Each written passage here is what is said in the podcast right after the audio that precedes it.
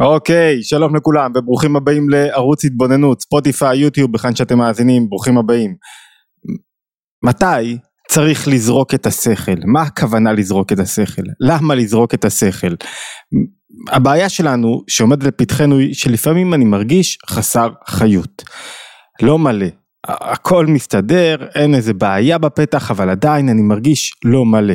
מה עושים במקרים האלו, וכדי למצוא את הפתרון מה עושים במקרים האלה נצלול לחג הסוכות. לפני כן בואו רגע נגדיר את הבעיה טוב יותר. לשכל יש תפקיד מאוד משמעותי בחיי האדם.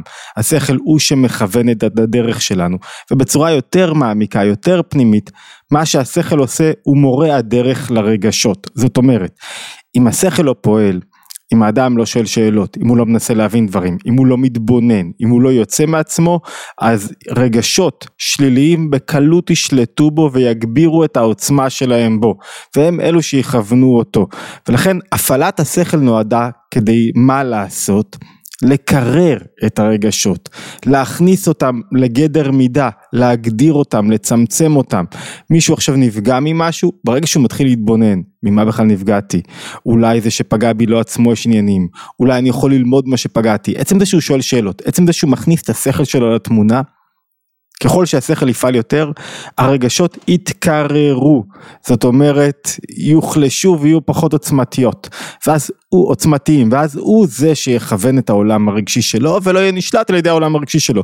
זה, זה אחד התפקידים הגדולים ביותר של השכל, להיות מורה הדרך לרגשות, ולהיות אחראי בעצם, מה זה מורה הדרך לרגשות? להיות אחראי בעצם על המנוע הרגשי שלי, על האנרגיות שלי, על מה שמניע אותי, על המנוע של החיים שלי, על מה שמניע אותי קדימה או מרחיק אותי אחורה. איך השכל עושה את זה? הוא יוצר, אני, אני פה מסכם רעיון גדול שצריך ללמוד אותו באריכות בקצרה כדי להיכנס לתוך, אה, לתוך הנושא המרכזי שלנו, לתוך זריקת השכל וההבנה של הרעיון הזה דרך חג הסוכות. איך השכל עושה את זה? פשוט באופן כללי השכל הוא אובייקטיבי. אובייקטיביות יוצרת קרירות כי יש בה פחות אני. עצם זה שאני מצליח לשאול שאלה ולחשוב בצורה לוגית, בכל צורה שבה השכל חושב, מה אני עושה? אני מחליש רגשות, כי ברגשות יש הרבה אני, אני מרגיש, אני אוהב, אני כועס, אני שמח, אני עצוב, אני, אני, אני קיבלתי, אני פגוע, אני. השכל מה הוא עושה? מקטין את האני, כי הוא מנסה להבין משהו מחוץ לעצמך. סדירות של דברים, תולדות, דבר יוצא מדבר, הבנה של סיבתיות. עצם ההבנה השכלית, עצם ההפעלה השכלית מקררת את הרגשות על ידי האובייקטיביות ויוצרת לי אפשרות לשלוט בעולם הרגשי שלי, לכוון, להיות מסוגל לכוון את הרגשות שלי ולהניע את עצמי בצורה נכונה ובצורה שבו הרגשות לא יכבשו אותי ולא ישלטו בי כמו למשל זעם או כמו למשל פגיעה או כמו למשל דיכאון או כמו כל רגש מסוים שמאיר בי בעוצמה ומשתלט עליי. לכן יש תפקיד עצום לשכל והאדם הוא שכלי במהותו זה המעלה שלו זה המקום שבו הוא שבו הוא מממש את התכלית שלו ובו הוא מביא, המעלה של האדם היא השכל שלו. כי, כי עבודה שכלית אין לשום יצור אחר בעולם במובן הזה, בהיבט הזה, בדרגה הזאת. ולכן אם הוא לא מממש את המעלה השכלית שלו, האדם מפסיד את היכולת לשלוט בעולם הרגשי שלו. אלא שמה, פה הבעיה שלנו מתחילה. לפעמים השכל מקרר יותר מדי. הוא יותר מדי יוצר אובייקטיביזציה, יותר מדי יוצר קרירות, יותר מדי יוצר מצב שבו אני לא מתחבר באמת לדברים, הוא יוצר אוטומטיזציה, אני הופך להיות אוטומט. זו הבעיה הגדולה שלפניה אנחנו עומדים, וכשהשכל עובד יותר מדי, הרגשות קווים, ואז קבועים בתוכי, ואז אני לא שמח מספיק, ואז אני חסר חיות, ולכן כשיש הבנה שכלית שהיא משתלטת עליי ואני נותן לשכל, נכון שיש בשכל את נקודת ההתלהבות והיצירתיות, את החוכמה, אבל כשאני מעניק בידי השכל את, את כל השליטה על העולם, על, על כל כוחות הנפש שלי, יכול להיות מצב שבו האדם סובל מהיעדר חיות. כי הוא חושב ככה צריך לפעול, וככה צריך לחסוך, וככה צריך לנהל את החיים, וככה בדיוק צריכים דברים לקרות, ואם קורה איזה משהו רע ואיזה משבר, הוא יודע בדיוק איך מתנהלים עם המשבר הזה, הכל בתוך תבניות, מסודר היטב, הכל סיבה ומסובב, כל דבר הוא רוצה להבין את הסיבה, אבל משהו חסר. מה חסר? חיות, שהשכל קירר אותו לחלוטין. הפך להיות זומבי חי, ו- ומשהו פה חסר, ויש שני סוגי עבודה שעוקפים את השכל, שבעצם מתגברים על המשבר הזה של קרירות השכל. דרך עבודה אחת נקראת אה, עבודה שלמטה מטעם ודעת, עבודה שלמטה מהשכל. זאת אומרת, לפעמים השכל מקרר לי גם התלהבות ויצירתיות ודברים שנראים כאילו בלתי אפשריים. מה אני עושה? אני מתעקש על משהו מסוים. אני, זה מסירות נפש נקרא, קבלת עול שלמטה מטעם ודעת, זה המושג. אני מתאבד על הדבר, כאילו למטה מהשכל, למה ככה? זה מה שאני עושה. אני, אני, אני אומר לעצמי, מה תצא לרוץ, קר בחוץ וזה, יוצא לרוץ בכוח, שובר את עצמי, אומרים לא תשמור על הגוף שלך, שובר את עצמי, עושה בכוח, אומרים לי מה, תשמח, אני בכוח משגע את עצמי כדי שאני אשמח. זאת אומרת, עבודה שלמטה מהשכל, השכל אומר לי דבר מסוים, אני הולך בניגוד לשכל, אבל בשיטה שהיא למטה מהשכל, כי האדם לפעמים קר, ולפעמים הוא נכנע לתאוות שלו, ולפעמים הוא נכנע לעייפות שלו, ולפעמים הוא נכנע לשינה שלו, ואז הוא צריך את הכוח שלמטה מהשכל, שנקרא דרך אגב כוח הנצח בנפש, שובר את עצמו, לפעמים גם כוח ההוד, כוח הביטול, ואז הוא מביא את עצמו לידי, אה, לידי תנועה שמתגברת על הקרירות של השכל. זאת אומרת אם הקרירות מונעת ממני לפעמים את העשייה, אז ההתגברות הזאת מחזירה את העשייה לקדמת הבמה. אלא מה? בעבודה של קבלת עול שלמטה מהשכל, עדיין לא התמלאתי חיות. עדיין אני אעשה את הדברים בקרירות. אני עושה אותם, אבל עדיין בלי התלהבות, בלי תשוקה, עדיין לא יצאתי מהמקום שלי, עדיין לא פרצתי את הגבולות שלי. ויש קבלת עול, מסירות נפש, מקום בנפש שבו כשאני דווקא זורק את השכל, לא אומר שאני לא משתמש בו, משתמש בו היטב, מבין ושם את זה עכשיו בצד, ופועל באיזה תנועה שהיא למעלה מהשכל, יש לי אפשרות למלא את עצמי ביותר חיות, כי חיות מתמלאת בכוחות שהם למעלה מהשכל, כוחות שהם קרובים יותר לעצם הנשמה. מהם הכוחות הללו ומה צריך לעשות ואיך זה נראה בפנימיות. בואו ניכנס לחג הסוכות הגיע הזמן כדי להבין טוב יותר את מסירות הנפש את זריקת השכל את הכוחות שפועלים למעלה מהשכל. לפני כן מזמין אתכם להצטרף לערוץ התבוננות אם עדיין לא הצטרפתם. זאת אומרת subscribe בספוטיפיי להגיב ולהצטרף. ביוטיוב כמובן וכמובן מוזמנים להצטרף לקבוצות הוואטסאפ שם אנחנו מעדכנים לגבי הסרטון היומי ולגבי פעילויות שונות ויש המון פעילויות באתר התבוננות והמון תוכניות חדשות שעולות. תוכנית חדשה שעלתה כבר נקראת המשפיעים עם איתן עזריה והיא זמינה רק למנויי האתר. ותוכנית בת 24 אה, מפגשים מאוד חשובה מאוד משמעותית ועולה בקרוב תוכנית בנושא חרדות אז כדאי. אוקיי, בואו נתחיל. יש איזה אה, משהו מאוד מעניין בחג הסוכות שאומרים חכמים במסכת סוכות משנה סוכה ה' כל המקורות אני מזכיר תמיד עולים לאתר התבוננות אתר התבוננות זה האתר שבו אנחנו מעלים את התוכן אה, עם המקורות למטה. אמרו חכמים כל מי שלא ראה שמחת בית השואבה לא ראה שמחה בימיו עכשיו זה כאילו יפה להגיד, אבל למה לדבר בצורה כזאת? באמת, הייתה שמחה גדולה מאוד, הרמב"ם מתאר את עוצמת השמחה הזאת, בואו ניתן לכם כמה משפטים. אף על פי שכל המועדות מצווה לשמוח בהם, כותב הרמב"ם בהלכות אה, אה, שופר סוכה ולולב, אומר כך, אף על פי שכל המועדות מצווה לשמוח בהם בחג הסוכות הייתה במקדש יום שמחה יתרה שנאמר ושמחתם לפני השם אלוקיכם שבעת ימים ואיך היו עושים את זה. זאת אומרת הוא היה מסביר איך עושים את זה, איך עושים את ההפרדה ואז בכל יום ימי חולו של מועד מתחילים ושמחים ואיך הייתה השמחה החליל מכה ומנגנים בכינור ובנבלים ומצלתיים וכל אחד בכלי שיר שהוא יודע לנגן בו ומי שיודע בפה בפה ורוקדין ומספ... ומספיקין מטפחין, מפזזין ומקרקרין וכל אחד מה שהוא יודע דברי שירות ותשבחות כולם היו שמחים ולא לא עמי הארץ היו רק שמחים. שמחה מי היה שמח מצווה היה להרבות בשמחה הזאת ולא היו עושים אותה עמי הארץ מקדיש, מדגיש הרמב"ם וכל מי שירצה. אלא דווקא גדולי חכמי ישראל וראשי הישיבות והסנהדרין והחסידים והזקנים ואנשי מעשה הגדולים ביותר הם שהיו שמחים. הם שהיו מרקדים ומוחאים בכפיהם ומשמחים במקדש בימי חג הסוכות. וכל העם והאנשים באים לראות ולשמוע. והשמחה, מוסיף הרמב"ם פה, השמחה שישמח אדם בעשיית המצווה ובאהבת הבורא שציווה בהם, עולה מתוך חג הסוכות. זאת אומרת, יש עבודה גדולה היא השמחה הזאת. עיקר העבודה זה לשמוח בחיים שלנו, לשמוח בדרך החיים שבחרת, וכל המונע עצמו משמחה זו ראוי להיפרע ממנו, עד כדי כך, כל מי שחולק לעצמו כבוד, בלשונו של הרמב"ם, הוא מתכבד, הוא חוטא ושותה, אלא הוא צריך להיות כמו המלך דוד, מפזז ומחרקר לפני השם, ובזה הוא מסכם את uh, הלכות שופר, סוכה ולולב, אין הגדולה והכבוד אלא במי ששמח באופן הזה. זאת אומרת שמשתתה וקופץ על הרגליים ו... והשאלה הגדולה היא למה ניסוח כזה? ניסוח כזה שמי שלא ראה שמחת בית השואבה לא ראה שמחה מימיו. מה? ראיתי שמחה אחרת, שמחתי באירוע, במשהו שקרה, בסתם שמחת לב. אז לא ראיתי שמחה מימיים, לא הייתי בשמחת בית השואבה. זאת אומרת, מה שחכמים מנסים להגיד כאן, מנסים להגיד כאן משהו מאוד פנימי. יש משהו בשמחת בית השואבה, שהוא המהות של נפש שמחה, שהוא המהות של חיות. שאם לא גייסת את המהות הזאת, משהו היה חסר בך.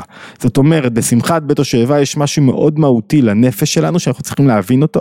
אף אחד מאיתנו לא ראה את הסנהדרין, ראשי הסנהדרין, והגדולים, והחכמים, והזקנים, מרקדים ומקפצים, ראינו אירועים כאלה ואחרים של שמחת בית השואבה. זה לא אותו דבר, מי שלא ראה, לא ראה שמחת בית השואבה מימיו. אם לא תפסת את המהות של שמחה שעולה ומתחילה משמחת בית השואבה בחג הסוכות, חסר לך משהו במהות הפנימית של שמחה. מה זה המשהו הזה, כדי להבין משהו, מה זה המשהו הזה, בואו נלך לאיזה, אה, אחד הדברים, על, על מה הייתה שמחת בית השבע. פשוט, על ניסוך המים. מה זאת אומרת ניסוך המים? כל השנה היו מנסחים יין על המזבח, ובימי חג הסוכות היו מנסחים מים.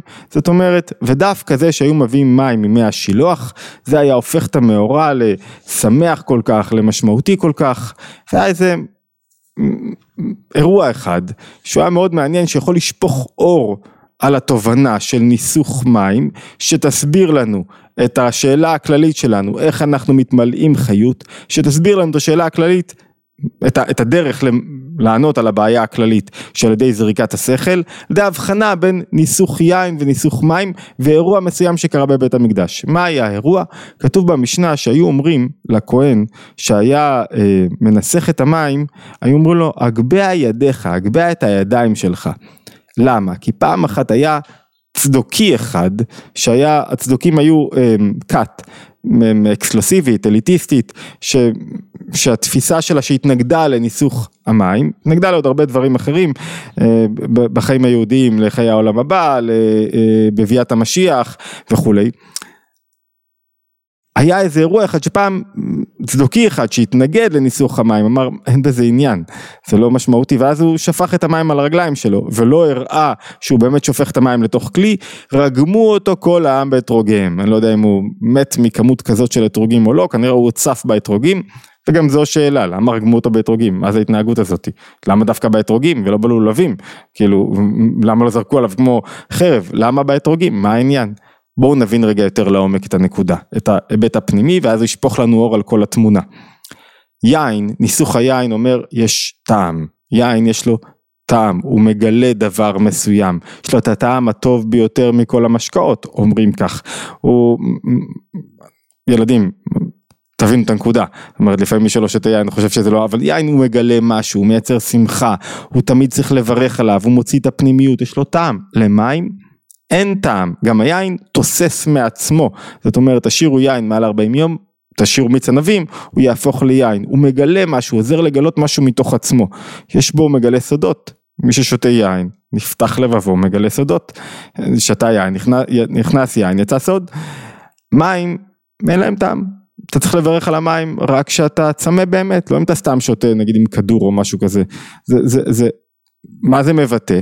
שבניסוך היין יש עבודה מסוימת שעל פי הבנה, טעם ודעת, הבנה שהיא לאורך כל השנה, ויש שמחה גדולה בהבנה הזאת, כשאתה מבין משהו פתאום מתגלה לך משהו, אה, נפל לי, עכשיו הבנתי, פשו, עכשיו אני יודע למה אני אעשה את זה, זה, זה, זה בהירות שכלית, כיף גדול, ויש עבודה שנקראת עבודת ניסוך המים, שהיא למעלה מטעם ודעת. מה זה למעלה מטעם ודעת? למעלה מהשכל. מה המשמעות של העבודה הזאת? שאתה עושה מה יש למעלה מהשכל? תודעת שליחות, תודעת מחויבות, אבל לא מחויבות למטה מהשכל, שליחות שיש לי פה ערך ואני עושה את הדברים גם אם השכל אומר לי משהו אחר, שיש לי פה אה, שייכות גדולה שאני מוצא אותה. שייכות, אין שמחה כשמחת התרת הספקות. אחד הדברים הכיפים ביותר, חשובים והמשמעותיים ביותר זה להרגיש שייך למה שאני עושה. וזה יש בניסוך המים גם אם אני לא מבין. בהשקפה שטחית זה נראה כאילו עבודה אה, שמבוססת על טעם והבנה היא חשובה יותר, או חיים של טעם והבנה חשובים יותר, משמעותיים יותר משמחה שיש בה קבלת עול, מניסוך המים, מפעולה שנובעת מתוך שליחות ושייכות, שבו זרקת את השכל ועשית את מה שאתה צריך. אבל הרעיון של ניסוך המים אומר, לא, זה בדיוק לא זה. יש מקום שבו אתה פורץ את הגבול שלך, כשאתה מרגיש, כשהנ... כשהנפש, מה זה שמחה הרי? שמחה זה גילוי, מה גילוי? שאתה מתגלה לך דבר שלא ידעת, שהנפש מגלה את הפנימיות שלה, כאילו שהיא משתחררת מהגבלות, איך, מתי אתה צוחק מבדיחה? כשאתה משתחרר מהגבלות חיצוניות, ופתאום מתגלה משהו פנימי, אתה אומר, אה, נפל לי האסימון, איזה יופי. המהות הפנימית של האדם באה לידי ביטוי, זה מה שקורה בשמחה. שמחה שלמעלה מהשכל מביאה לידי ביטוי, אומרת שיש לך בעצם חלק בנפש שהוא נמצא בגלות, שהוא נשלט על ידי הסיבתיות, על ידי החיצוניות, על ידי אינטרסים, ואתה מביא אותו לידי ביטוי, אתה משחרר אותו כאילו החוצה, נותן לו מקום להתגלות דווקא כשיש תנועה של זריקת השכל, כשאתה מתחייב לשליחות שלך, כשאתה חלק ממשהו, כשאתה מתקשר באופן לא מוגבל.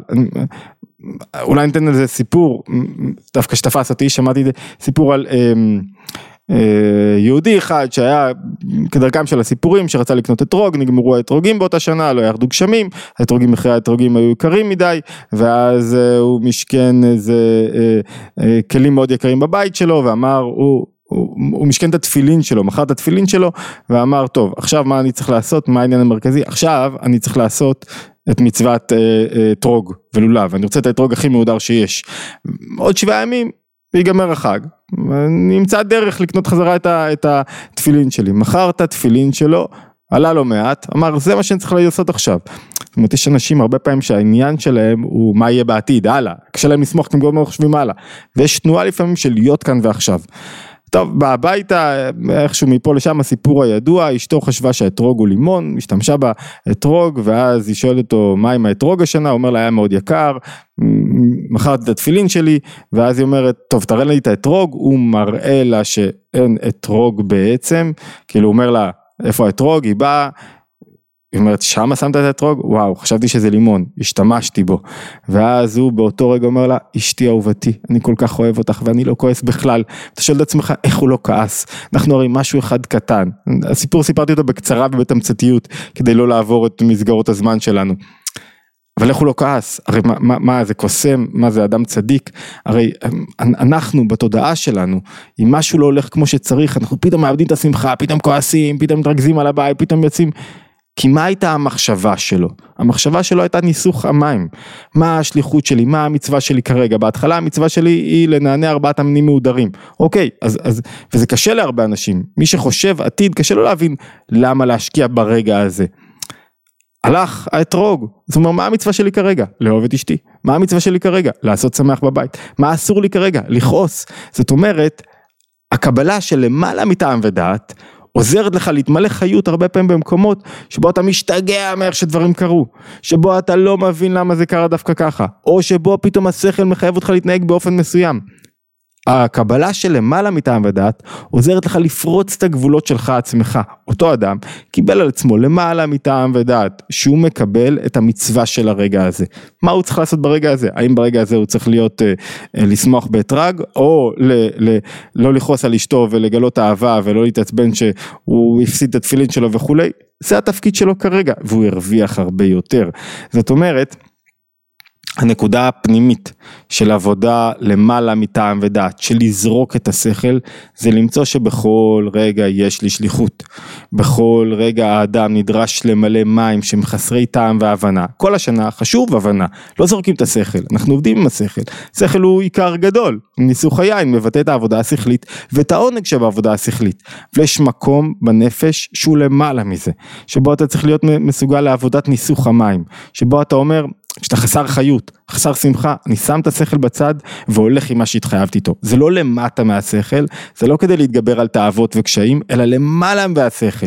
כי פה השליחות האמיתית שלי, כי פה העניין שלי, כי פה אני מתחבר, כי פה הביטול שלי. וזו השמחה הגדולה של שמחה בית השואבה. מה השמחה הגדולה של שמחה בית השואבה? שעם ישראל מגלה שהוא מחובר לקדוש ברוך הוא, למעלה מטעם ודת, למעלה ממה שקיבלתי, למעלה, אפילו במנהג, למעלה מהוראות, ואז הם רגמו את אותו צדוקי, הצדוקי אמר לא לא לא, אנחנו מקבלים עבודה שהיא למטה מטעם ודעת. מה זאת אומרת עבודה שהיא למטה מטעם ודעת? אני מקבל על עצמי שלפעמים התאוות שולטות בי וה, ו, ויצרים כאלה ואחרים, אז אנחנו צריכים להשתמש בקבלת עול למטה מהשכל. אבל למעלה מהשכל, השכל זה שצריך להיות שליט, השכל זה שצריך להכווין באופן בלעדית את האדם, הוא לא קיבל את ניסוך המים. ולכן רגמו אותו כל העם באתרוגיהם. מה האתרוג מבטא? האתרוג מבטא את מי שיש בו תורה ומצוות, מעשים טובים, ריח וטעם. דווקא את זה הם זרקו עליו. אמרו, יש בסוכות מתגלה או ההתקשרות של ראש השנה ויום הכיפורים, התקשרות שהיא פנימית והיא גבוהה אפילו מהתקשרות של השכל. וכשההתקשרות של האדם מתגלה בדרגה הזאתי, הוא מרשה לעצמו לשמוח בלי תנאי, בלי שהשכל שלו יגיד לו עכשיו מותר לך לסלוח, לשמוח, עכשיו אסור לך, כי לא קיבלת מספיק, כי לא הרווחת מספיק, כי הדברים לא הולכים כמו שצריך, עכשיו השמחה שלך היא בלתי מותנית, היא שמחה על עצם היותך, על עצם החיבור הגבוה שלך, היא שמחה שאפילו לא צריכה הסבר שכלי, על עצם ההתאבות שלי, והתאבות שלי בדוגמת הבורא. ולכן כשאדם חושב ככה וחושב בכל מקום יש לו את השליחות שלו שהיא זאת שמגלה את ניסוך המים פתאום הוא מתמלא חיות, אין לו רגעים מתים בחיים, אין לו רגעים חסרים, וזה סוד החיות הפנימית, שיהיה תנועה של יין, של הבנה, טעם ודעת, לימוד, חשוב מאוד, אבל הלימוד הזה הוא, יש לו משהו מעליו. אני לומד גם מתוך הביטול הזה של ניסוך המים. בסופו של דבר ניסוך המים, שהוא פעולה פשוטה, מה עושים? לוקחים סך הכל מים ממי השילוח ושופכים אותו על, על, מבטאת פעולה פנימית מאוד עמוקה של ביטול פנימי, של תודעה, של זריקת השכל כשאתה זורק לטובת עניין חשוב ומיוחד ובהתקשרות מיוחדת, לא סתם לזרוק את השכל כמובן, לא לזרוק את השכל למעשה שטות, כשהעניין הזה מתגלה, האדם ממלא את עצמו בחיות ותודעת שליחות, ותודעת חיבור, ו- ו- והיא גם הסיבה למה אנחנו שמחים כל כך בשמחת בית השואבה. טוב, אמ, התבוננות יומית, מוזמנים להצטרף להתבוננות, וכמובן נמשיך ללמוד גם על סוכות וגם על העבודה הפנימית של שמחה שהיא המשמעותית בימים הללו, להשתמע בהתבוננות היומית הבאה.